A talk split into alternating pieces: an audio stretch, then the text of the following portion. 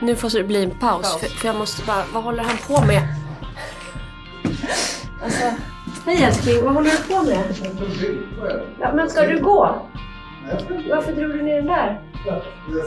Jaha, vad gulligt. Bra. Sorry, jag bara kände om han skulle dra.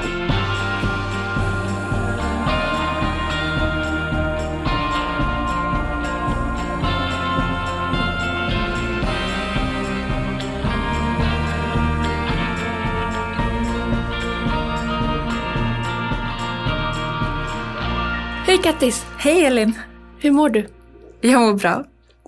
Vi kom båda, eller jag kom ju hit i god tid, men du fastnade i stadsbesöks Trafik. Ja, herrejösses. Det är alltså tisdag idag när vi spelar in.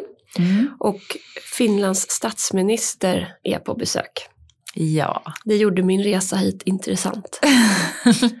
det var faktiskt ganska skönt att jag fick sitta och vänta här en halvtimme för jag har hela veckan och typ förra veckan liksom rört mig mellan olika möten med andan i halsen och varit tio minuter sen hela tiden. Och eh, det är så jobbigt. Det är så här, jag, jag, jag tror jag tycker att det är lite jobbigt att vara ute ur eh, karantänlivet. Mm. Jag, jag kan liksom inte säga, jag, jag hade så bra rutiner för träning och liksom jobb och allt.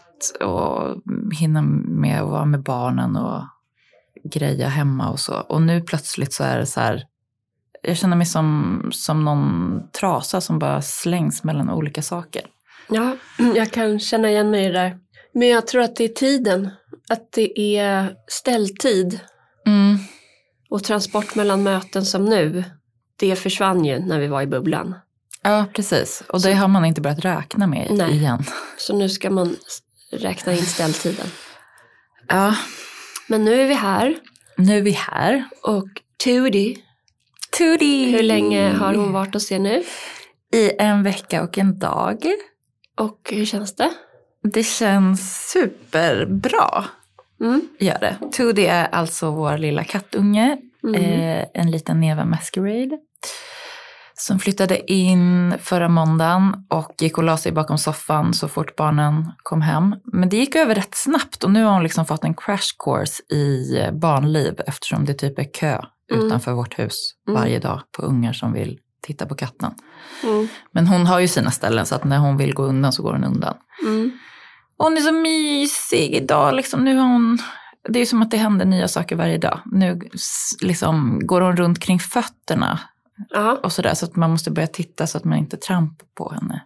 du hör att du låter som en förälder. Ja.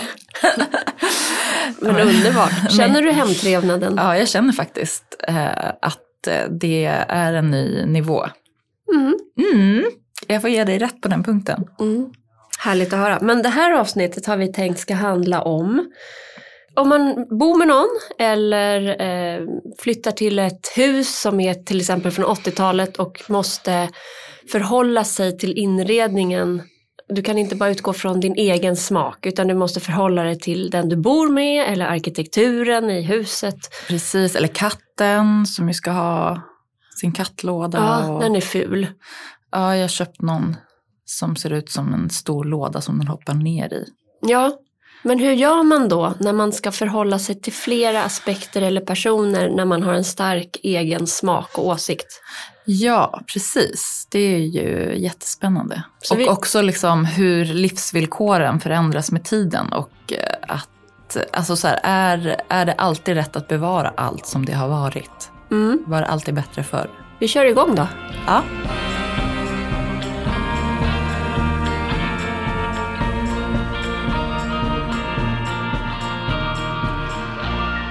Har du något sån här uh, worst case uh, exempel på där du har bott med någon eller levt med någon där din, din smak och stil blev plågad?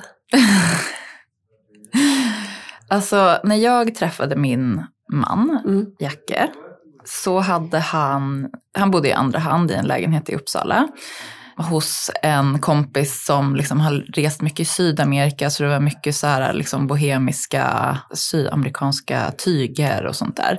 I sin ägo hade han en liten ful 70-talssoffa som han hade hittat i någon container och en...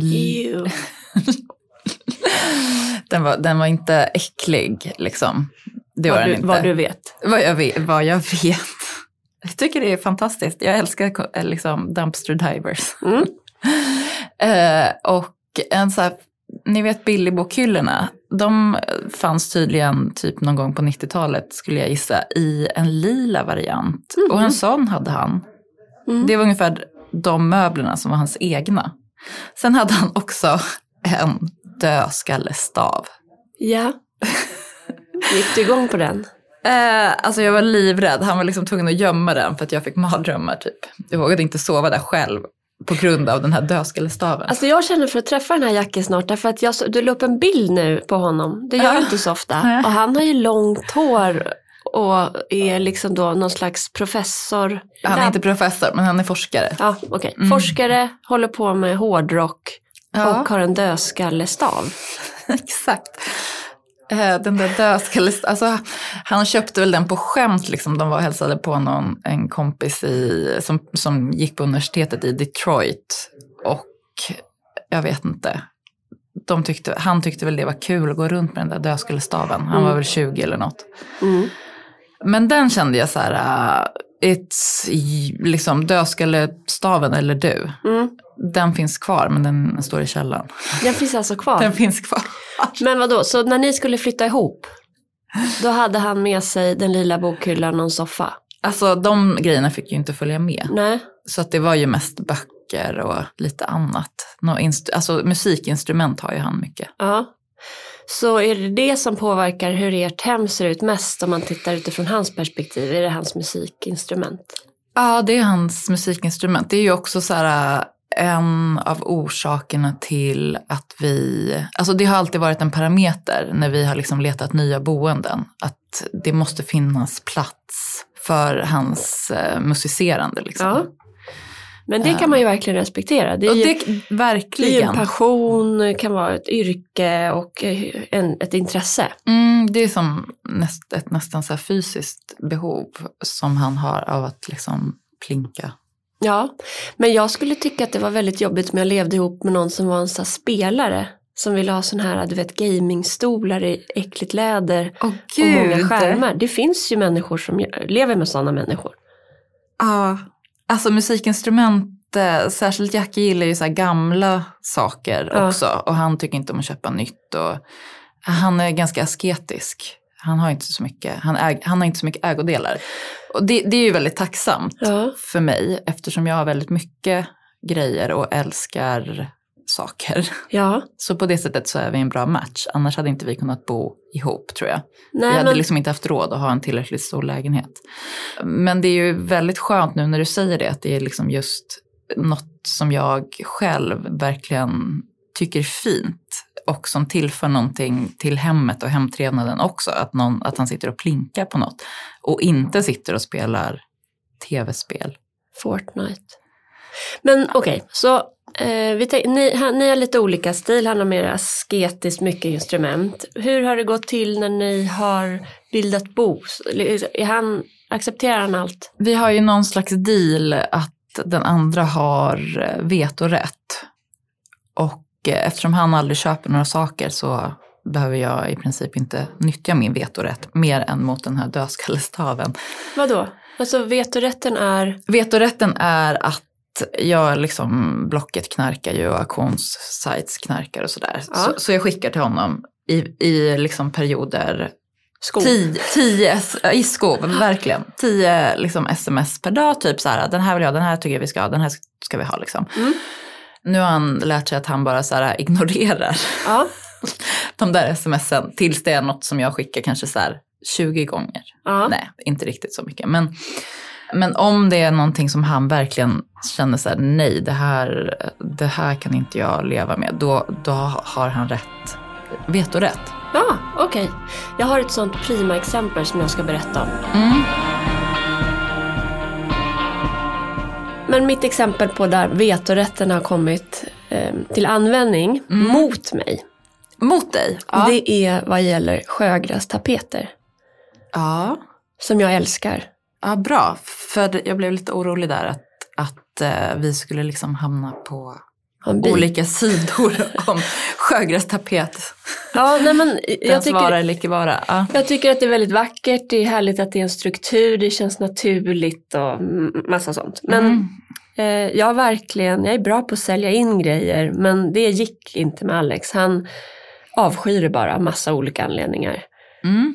Så här barndomsgrejer. Alltså jag får liksom någon så bild av inrökt bostad Ja. eh, där bor någon gammal tant, typ så här någon gammal granne man var hemma hos någon gång när man var liten och får lite så här obehagsvibbar. Kan jag, jag kan förstå den känslan. Att den är laddad med något. Den, den är absolut laddad med något. Jag tror verkligen inte att alla är redo för sjögrästapetens eh, comeback.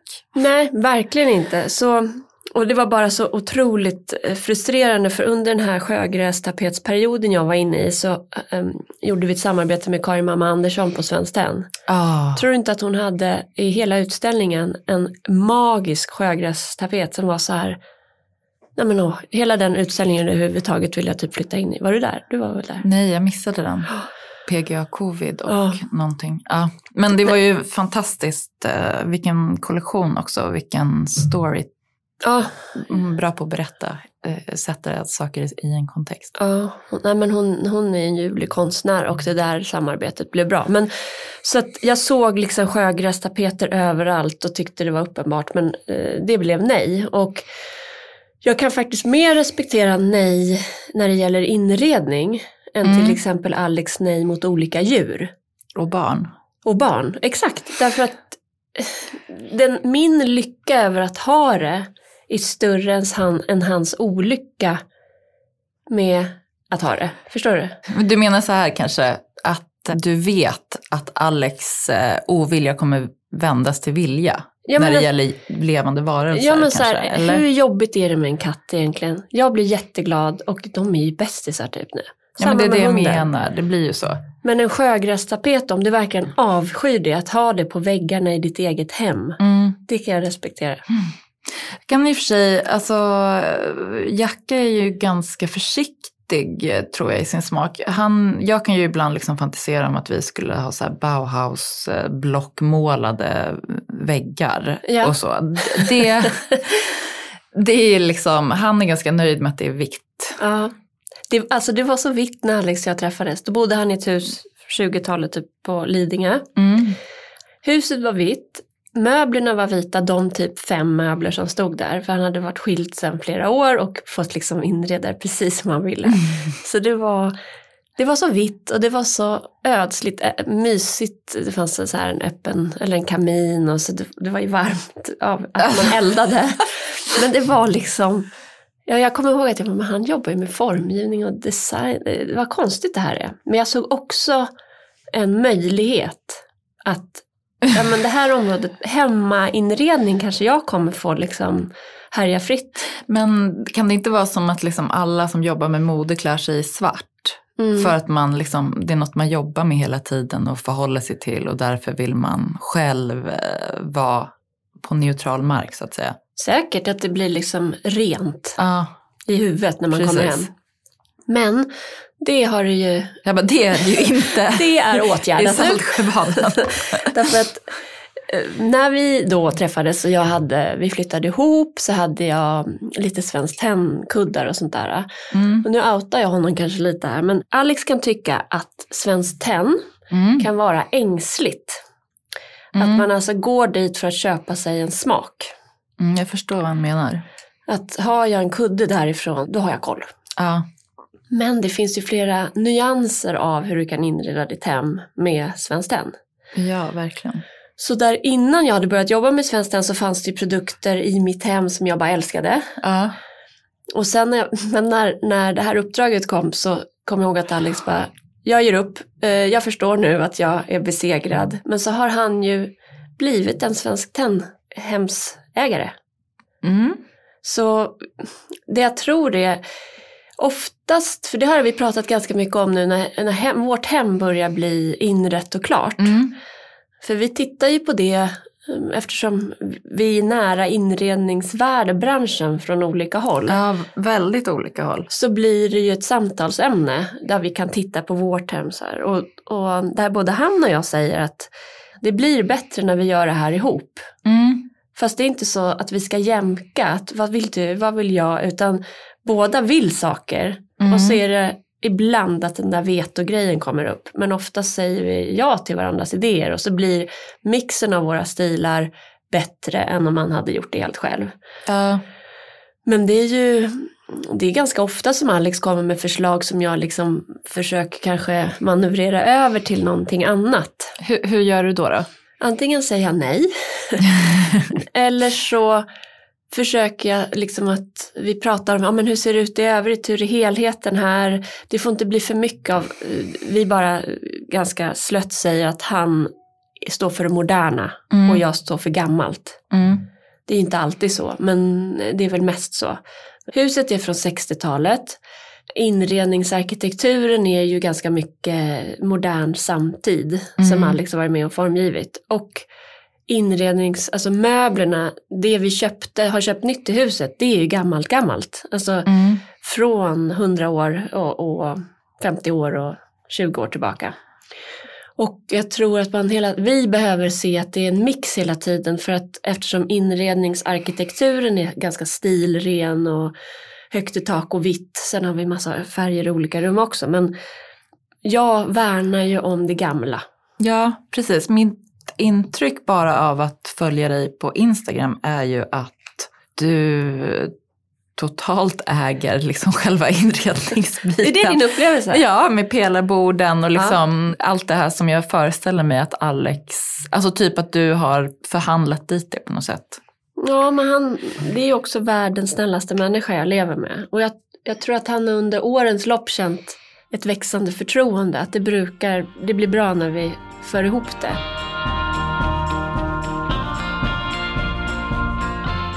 Det finns ju hus som inte är sekelskifteshus eller arkitektritade 60-talshus eller lägenheter som inte är sekelskifte.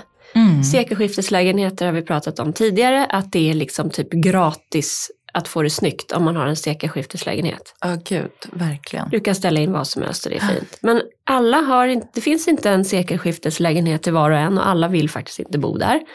Och då brukar nyproduktion vara en sån där som ploppar upp. Hur inreder man i nyproduktion? Men jag tänker också så här 80-tals och 90-talshus.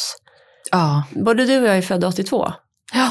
Så det är ju en känsla, liksom, det är svårt kanske, eller för mig, jag kan bara prata för mig själv, men jag känner inte riktigt den så passionen för att köpa ett 80-talshus och eh, förädla det. Nej, jag gör inte det heller.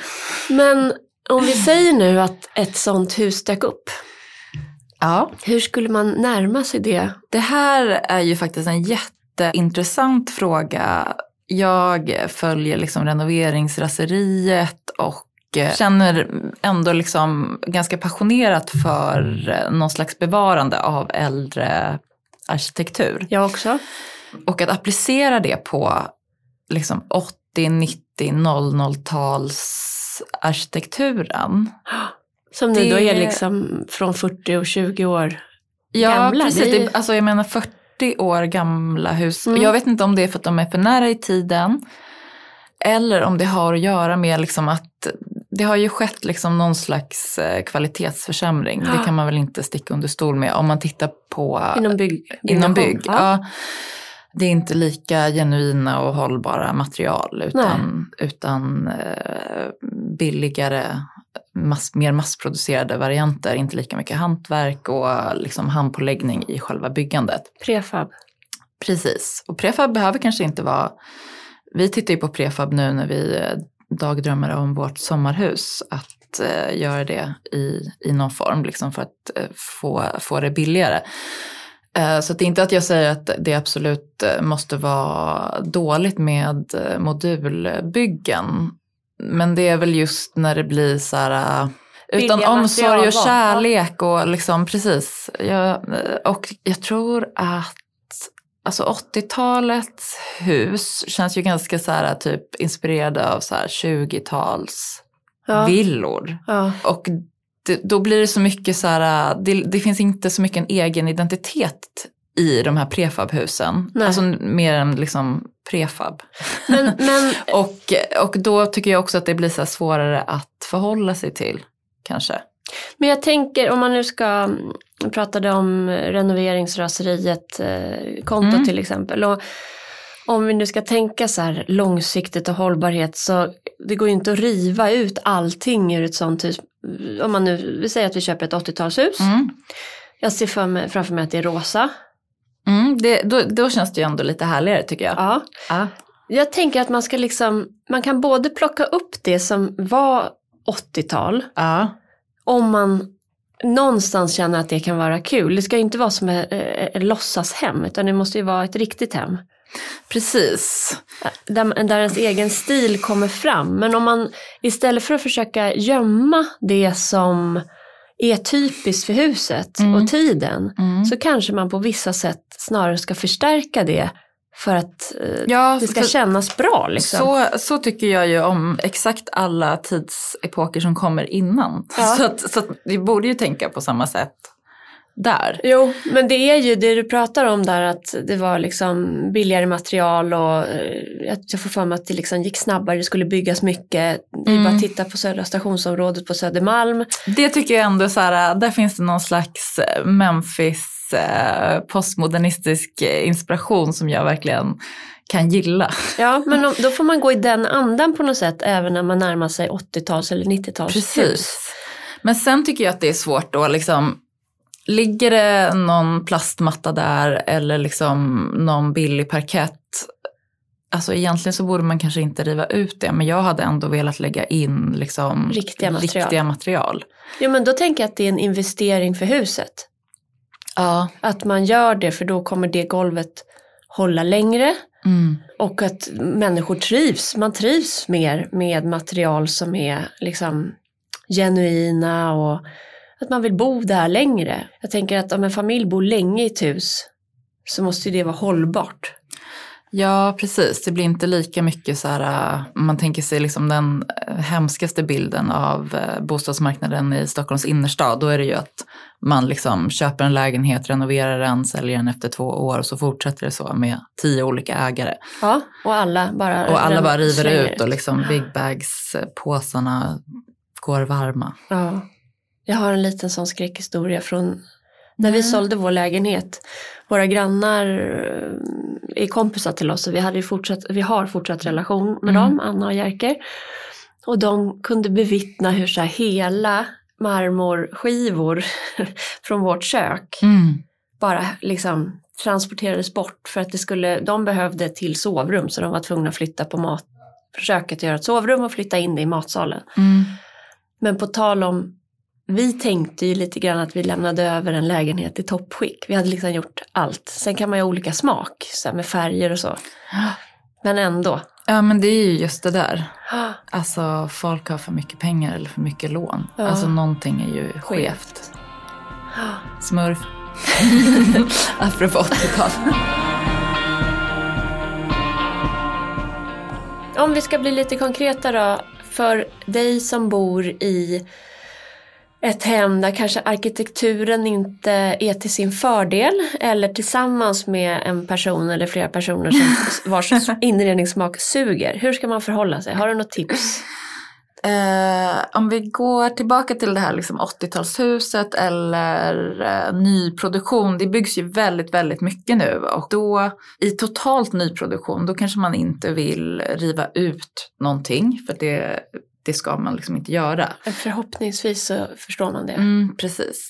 Och bor man i hyresrätt så, så kan man ju inte göra det helt enkelt. Nej. Utan då får man ju liksom Gillar läget. gilla läget. Då tycker jag att man ska titta på liksom lite annat än till exempel Ikea. För att Ikea det är ju också ganska mycket spånskivor och sådär. Så att det man vill införa är ju liksom just de här kanske lite mer genuina materialen. Mm. Vad menar du med genuina material? Att det är liksom trä är trä och sten är sten. Ja. Och eh, metall är metall. Det är liksom inte... Ska se ut att vara sten, ska se ut att vara metall. Nej, precis. Mm. Eh, Eller liksom spå, spånskivor som eh, går sönder så fort det kommer lite fukt på. Liksom. Mm. till exempel, jag har faktiskt ett jättebra exempel. Jag eh, hjälper Josefin Halvardsson som har ett inredningsföretag som heter Ton och göra lite intervjuer till hennes hemsida. Och då har eh, en inredningsfotograf eh, och keramiker som heter Pia Urlin mm. precis flyttat in i nyproduktion och hon har då satt eh, in hyllor och hyllsystem från Ton i alla rum. Både så att det blir som en liksom, inramande röd tråd men det är också så här, äh, en, ganska, liksom en lagom stark äh, designidentitet som ändå känns lite lyxigare. Uh -huh. och som gifter sig ganska bra med det moderna. Och det tycker jag känns mycket roligare än att ställa in eh, Ikea Billy-hyllor. Särskilt om de är lila då. Ja men verkligen. Eh, sen, sen så är det såklart absolut en prisfråga. Det är ju lite dyrare. Jo, men en till som jag har sett har fått tonhyllor om jag inte har fel, det är ju Saskia Kort. Följer ja, du henne? precis. Och jag får för mig att hon, in, ja, men hon bor ju inte i en sekelskifteslägenhet. Hon bor i en funkislägenhet. Ja. Men den här typen av möbel funkar bra där också. Vi är inte sponsrade av dem. Utan Nej, jag vet inte. det här är bara eh, ett tips helt enkelt. Eller liknande typer av sådana system. Att det kan vara en liksom en möbel och en funktion som ja. skapar samtida arkitektur och känsla men lirar med andra tidstyper. Precis, och det som också är bra med just så här, liksom, stora hyllor mm. det är ju att man kan fylla dem med saker som skapar en egen identitet. Om man känner liksom att lägenheten är identitetslös ja. då vill man ju kanske lyfta in vi har ju vår fina lilla lista med växter och ja. böcker böcker och djur. För det personliga hemmet? för det personliga hemmet och mm. det hemtrevliga hemmet. Mm. Eh, och då tycker jag att liksom stora öppna hyllor kan vara väldigt, ja men de, de kan hjälpa till att skapa en personlig eh, identitet i hemmet. Mm. Och det spelar ingen roll om, om det är ett 80-talshus eller ett sekelskifteshus, stora växter mm. funkar utmärkt. Så det är samma egentligen tankesätt eh, oavsett vad det är för miljö man inreder. Mm, precis, för att, som du sa, liksom, att, att inreda sekelskiftet snyggt, det, det är ju i princip fusk för att det är svårt liksom, att göra det fult. Ja, det är anabola. Men däremot så i en nyproducerad lägenhet med lite lägre i tak så får man ju jobba ännu mer kanske med belysningen och ha mycket, många små mm. ljuskällor. Mm. Mm. Apropå hyllor så vet jag att uh, Johanna Bradford har kört liksom bara så konsolhyllor från, från Bauhaus som hon har målat in i väggen så att det Smart. ser nästan inbyggt ut. Ett annat tips om det är lite lågt i tak och nybygge och inte så himla stora fönster, eller kanske mm. lite mer 90-tal. Det är ju, gillar man gardiner att placera gardinerna så de precis bara täcker sidorna av fönstret och att de istället går ut på väggen. Ja, precis. Så att den väggen, det känns som ett större fönster för gardinerna täcker en del av väggen. Ja, och det är ju lite grann det här liksom ombonade varma som man vill komma åt. I och med att det ofta är ganska så här nerstrippat i i nyproduktion. Men tycker du man kan ställa in en uh, furubänk i ett 90-talshem? Ja, det skulle kunna bli ascoolt med så här, en riktig sportstugemöbel tycker ja. jag. Man kanske vill ta bort den gula liksom, lacken. Slipar man då? Oljor? Alltså jag har försökt med olika projekt med en sån här värmegrej men det tror jag inte funkar på lack, det ska Nej. ju funka på färg. Pistol. Alltså ju mer plast desto bättre ja, äh, okay. går det med en sån där värme, värmegrej. Och vi är på jakt efter riktiga material. Ja, precis. Och det kan ju dölja sig under plasten. Mm. Plastfärgen menar jag då. Mm. Ja, jag fattar. Uh, lack gjorde jag, jag försökte med en spegel som var lackad och det gick inte alls. Och jag skulle misstänka att det har med lacket att göra. Ja, men vart går man om man vill få hjälp med sånt? Det borde vi verkligen ha ett bra exempel på här nu. Ja. Jag tänker att man får vända sig till ja, en tapetserare. Ja, precis. Där vet jag att Gustav Broström, Gustavs rum på Instagram, ja. han har lämnat in och renoverat möbler hos någon bra tapetserare här i Stockholmsområdet. Ja, sen eh, har jag upptäckt Nacka byggnadsvård sen jag flyttade till den delen av stan. Och jag tänker mig att de sitter på massa kunskap också. Att man orkar ta sig tid att eh, renovera och ta hand om kanske möbler man har eller möbler som man köper second hand och vårda dem. Precis. Spagan Conservation, Jon Bjällerup hittar jag här att Gustav har Tipsat hjälp av. Ja, Då slår vi ett slag för Jon då, för jag tycker Gustav är en bra, han har koll på sina grejer. ja, verkligen. Om vi stannar kvar här i nyproduktion Ja, så tycker jag att det är eh, viktigt att liksom föra in en del moderna element. ja, Jag tycker att vi har ju pratat tidigare om att man ska liksom vara respektlös mot historien. ja, Och då har vi pratat om liksom möbler och inredning, Ja. inte, inte det här med att riva ut grejer. Och jag tycker absolut att man i nyproduktion ska föra in gamla arvegods eller loppisfynd eller auktionsfynd och sådär. Men jag tror att man behöver eh, strama till det lite grann och föra in också lite modernare inslag för att det ska bli liksom en bra mix. ja. Det kanske känns lite medvetet då också, att man har faktiskt istället för att försöka så här, jag gillar egentligen den här stilen men nu köpte vi nyproduktion, så blir det um, autentiskt. Mm, Och det kan man ju bland annat göra med konst. ja, verkligen. Samtida konst eller konst från det byggåret. verkligen. 90-talskonst om man bor i 90-talslägenhet, om man nu Mm. gillar det. Mm, precis.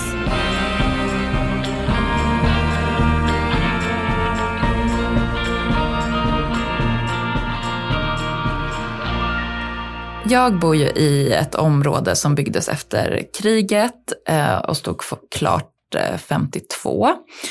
Eh, och eh, har ett litet funkiskök som verkligen är så här, det är ett hemmafrukök. Mm. Och de flesta huslängor i vårt radhusområde har, alla har haft liksom ett arbetskök som på något sätt har varit instängt. Men de flesta hus man, kan man enkelt ta bort den väggen Okej, och öppna upp det så att det känns modernare. För att vi lagar mat och umgås, alltså köket har ju blivit en social del på ett sätt som det inte var på 50-talet kanske. Nej, då, var skulle det- hon ju stå gömd, fixa, komma ut och servera. Ja men exakt. Varje gång vi har så gäster och jag står i köket, jag hatar ju att laga mat men det är ändå jag som lagar maten när vi får gäster. Mm. Då, då är det så ensamt där. Det är max liksom en till person som får plats. Ja. Så då drömmer jag hela tiden om att så här, på något sätt eh, öppna upp det mot eh, matrummet. Får man det då? Vi har grannar som har gjort det och eh, jag har kommit fram till att arkitektur som speglar liksom en sunkig kvinnosyn, Ja, den, den får man faktiskt eh, vara lite respektlös mot. Liksom, livet förändras och eh, bostäderna måste förändras med det. mm. Sen måste det ju ske på ett, liksom, ett bra och ordentligt sätt. Liksom, det ska vara hållbart Mm. i ja, men 70 år till minst. men nu har ju du tänkt på det här. Det är väl det som är grejen. Ja, jag har tänkt på det. Jag har dessutom faktiskt också kommit fram till att vi nog inte kommer göra det. För att jag har tänkt ett varv till. Ja. Eh, Och det är både av ekonomiska skäl men också för att ja, men det, är ju, det är ju ett minne av någonting som var. Så jag tror, jag, jag, Nu är du paradoxal Kattis. Jag vet. För först Välkommen till min hjärna. Först skulle det rivas för att det var kvinnoförnedrande och förtryck. Sen nu så var det också, är det också mysigt att, att vi hade det så en tid. Jättelång tid faktiskt. Jättelång tid. Ja, verkligen. Men, men det jag tänker när du pratar det är att riv inte för snabbt saker bara. Det kan vara okej att riva saker, öppna Mm. upp och så. Men det är lätt, vi kommer från en tid där liksom väggar skulle rivas och saker ska öppnas. mm, Det finns också ett värde i rum, att det finns rum med dörrar och väggar. Ja, Så att man bara tar det ett varv till och tänker, undra varför någon har ritat de här små rummen eller fönstret så här. Ja, Mm. nu vill jag göra så här. mm. Varför? Hur kommer det vara om 20 år? Och sen så tar man ett beslut. ja precis. Men hur gör man om man lever med någon vars inredningssmak är obefintlig eller fruktansvärd? Alltså obefintlig känner jag inte något eh, problem. Det, så har vi det lite grann att eh, Jacka har liksom inte så starka åsikter. Han känner inte så starkt för det ämnet. Nej. Så jag tycker det låter mer komplicerat att leva med liksom en designer som har ganska starka åsikter. Jo, men han kommer också med massa kunskap. Det tror jag jag nämnt någon gång tidigare. Men jag går så mycket på känsla och vad jag tycker är mysigt och det där som är, som liksom är hemtrevligt Mm. och hur idén med den här podden till och med liksom kom upp. Men Alex kommer ju med en kunskap om funktion, formgivning, formgivningshistoria. Alltså vi har så många böcker hemma.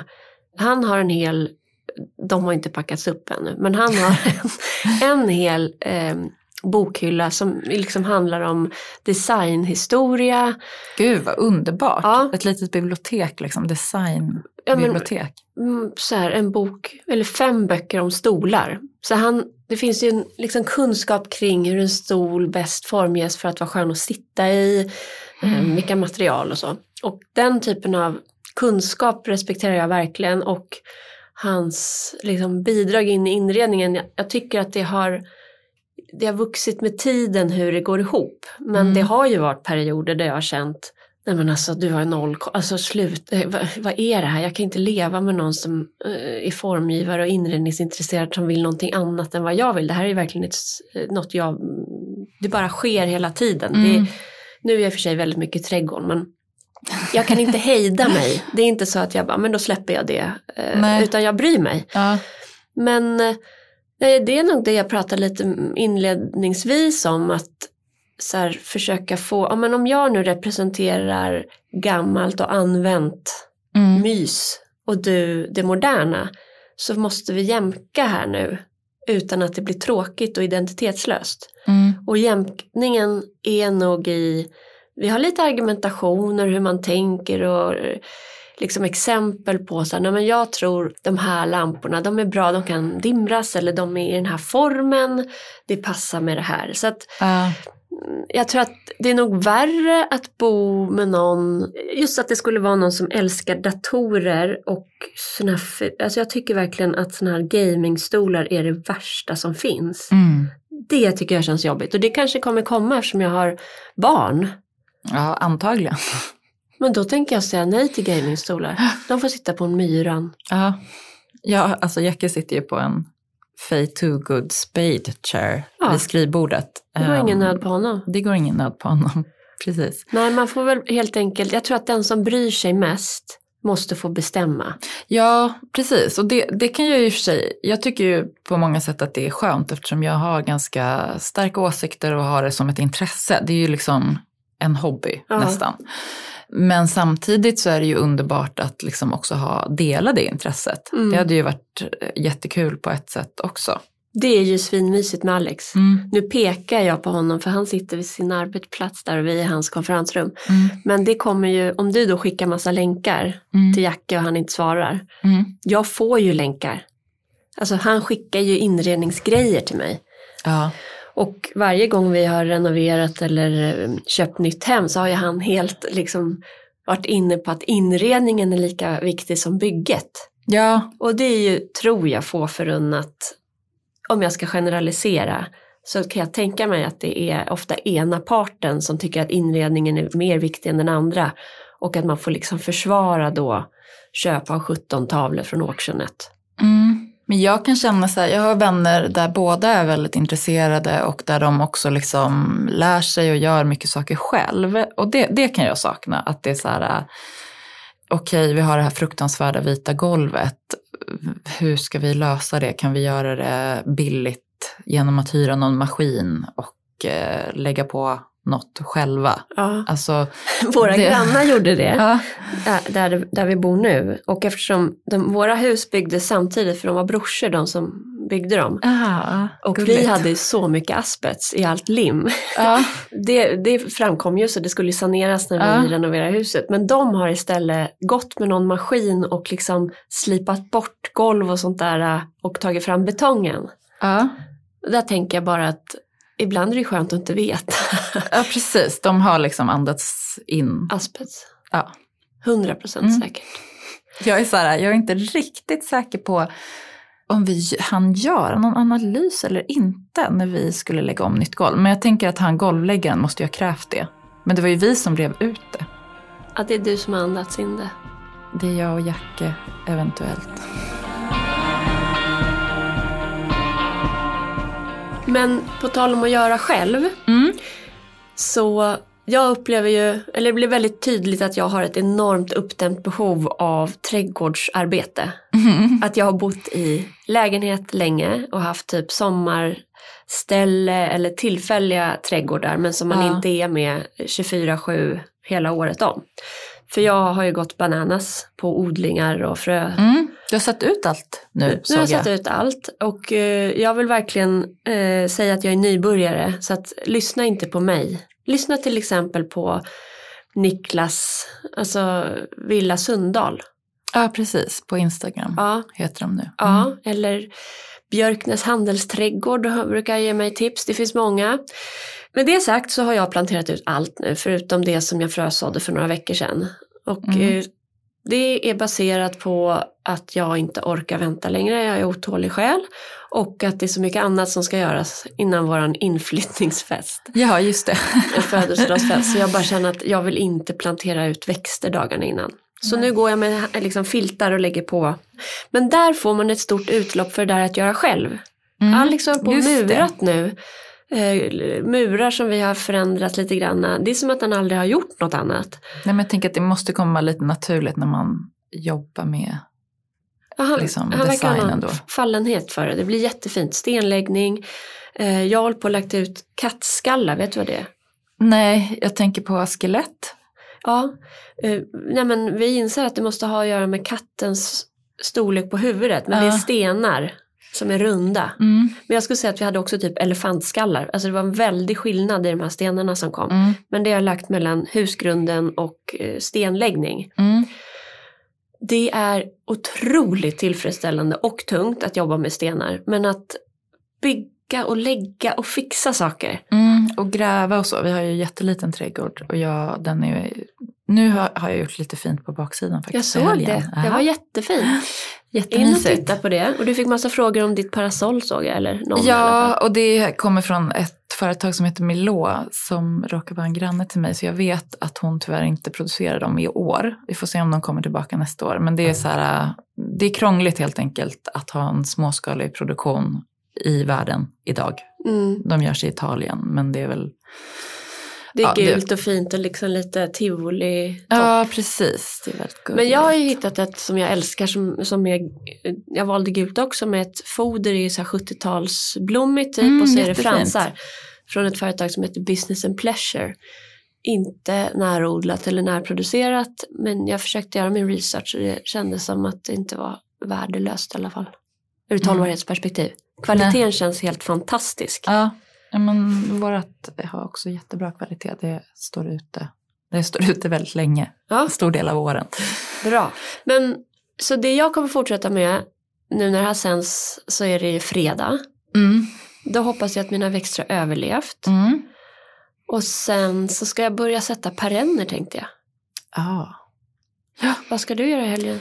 Jag ska, jag ska nog också faktiskt hålla på lite i trädgården på vår baksida och göra klart det som jag inte riktigt hann göra klart. Det är ett litet hörn där, där det står en massa fula saker som jag måste hitta ett bättre förvaringsställe för. Hatar hörn med fula saker och högar. Ja, det, är, det är både högar och eh, fula saker. Så det ska jag fixa med. Vi ska också ha en loppis i, liksom, i kvarteret. Ska ni? Mm, Vad kul! mm, jättemysigt. Så Tror- kom till Skönstaholm om ni vill Sjöstaholm. Vilken- Skönstaholm i, Skönstaholm. i Hökarängen. Vilka tider? Lördag, vilken tid? Alltså jag vet faktiskt inte vilka Mitt tider det är. typ. Ja, kom typ vid tolv eller något. Då är de där. Mm. Så jag ska hoppas jag hinner rensa ut lite grejer. Ja, ni som lyssnar som är från Nacka Saltisområdet vill jag bara fråga, skulle ni vilja att vi hade en loppis? För det vill jag. Om ni vill det så kan ni ju inboxa oss på Hemtrevligt-podden så styr vi upp något. Jaha. Och har ni frågor eller feedback så skriv gärna till oss via hemtrevligt-podden. Och som alltid, gillar ni avsnittet så likea gärna, ge betyg eh, och sprid ordet. Jättegärna. Tack och trevlig helg. Trevlig helg.